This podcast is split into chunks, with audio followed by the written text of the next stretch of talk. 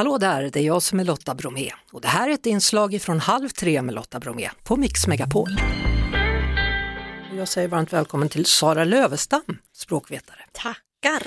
Hörde du, skillnaden mellan att skapa och kapa en sjukvårdskö är ett S, sa Ebba Busch. Ta av dig foliehatten, sa Märta Stenevi till Jimmy Åkesson och sen sluta bjäbba Robert Aschberg till Ebba Busch. Mm. Är det så att vi pratar ett nytt språk när det är valtider? Lite grann, eller i den politiska debatten så är det lite speciellt språk. Eh, på olika sätt. Dels vill man ju vara lite slagfärdig, kanske säga någonting fyndigt, men det är ju inte specifikt bara för politiken. Eh, Men det finns ju också ord som signalerar saker eh, och det använder man sig av väldigt starkt. Alltså, hela valrörelsen är ju egentligen en enda stor studie i retorik. Ja, lyckas de nå vidare bra då, politikerna, oavsett om det är vänster eller höger? Det tror jag att man gör eh, för den som är poli- eller i alla fall för den som är politiskt intresserad. Den snappar ju upp de här signalorden eh, och, det politiker gör ju lite grann att beskriva verkligheten och välja välja negativa ord för det som man inte gillar och välja positiva ord för det som man gillar och då försöka få väljarna att se det på det sättet. Jag vet att du eh, gjorde en, en tweet nyligen då eh, som handlade just om det här att man skulle faktiskt kunna känna av vilken sida det är som säger vad. Ja, ibland är det verkligen så. Eh, jag spetsade ju till det lite, det var ju Twitter. Ja. Ja. Men säger man till exempel det där är trams, då är man höger.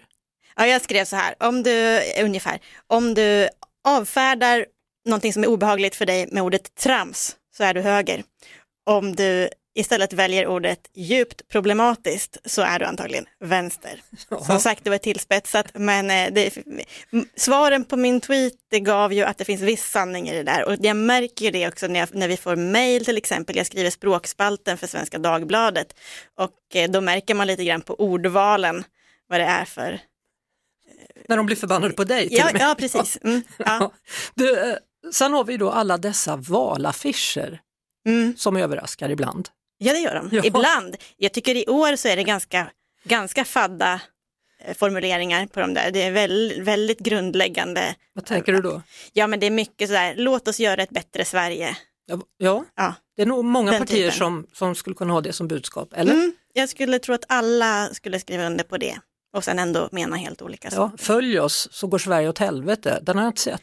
Nej, men just de här eh, fyndiga formuleringar är inte jättemånga. Det är väl den här, nu kommer jag inte ihåg vad han heter som har den, men, men eh, eh, gängens värsta fiende Ja just det, det är Mm. Stockholmspolitikern ja, som är gängets värsta fiende. Ja. i Stockholm. Jag trodde det var Göteborg, men jag har som sagt, liber- det här, har bara, det liberalerna, här har jag inte det. Är liberalerna är det. Mm. Ja. Eh, men eh, det finns en valaffisch som har eh, ändå vållat lite språklig debatt och det är ju den här eh, Moderaterna vill ha mindre droger. Mm. Eh, där har det ju raljerats en del över hur små, hur små droger vill de ha. Ja, de vill kanske ha färre droger, kan det vara så? Eh, det, här, det, kan man, det, är, det är det som folk skriver. Ja, det, det står ju eh, fler poliser, mer kameror, mindre droger, färre brott tror jag att det står. Och eh, då är det folk som har raljerat och sagt att de kanske vill ha fler, fler språkpoliser också. Eh, men men eh, tyvärr höll jag på att säga, för det är ju roligt att raljera över sånt, tyvärr så är ju mindre alltså motsatsen till större, men det är ju också motsatsen till mer.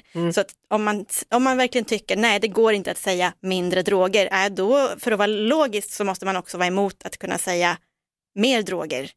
Men det kan man ju, så det är faktiskt inte helt fel att säga det.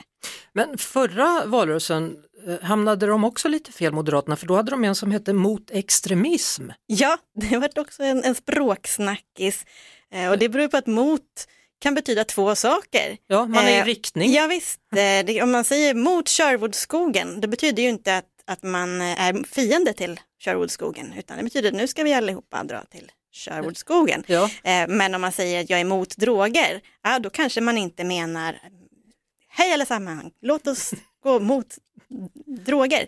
Eh, utan då menar man att man är, det kallas för an, eh, anti-autonym. Ah, au- Auto, an, Auto. autoantonym. Antonym. Alltså det är mycket med det där med språk, hörru. Ja, det är mycket med det. Jag jobbar med det dagligen. Ja, jag förstår det. Tack så mycket för att du ville komma hit och jobba med en liten stund hos oss idag då, Sara Lövestam. Anytime. Vi hörs såklart på Mix Megapol varje eftermiddag vid halv tre. Ett poddtips från Podplay. I podden Något Kaiko garanterar östgötarna Brutti och jag, Davva, dig en stor dos skratt. Där följer jag pladask för köttätandet igen. Man är lite som en jävla vampyr. Man har fått lite blodsmak och då måste man ha mer. Udda spaningar, fängslande anekdoter och en och annan arg rant. Jag måste ha mitt kaffe på morgonen för annars är jag ingen trevlig människa. Då är du ingen trevlig människa, punkt. Något Kaiko, hör du på Podplay. Därför är gardinerna.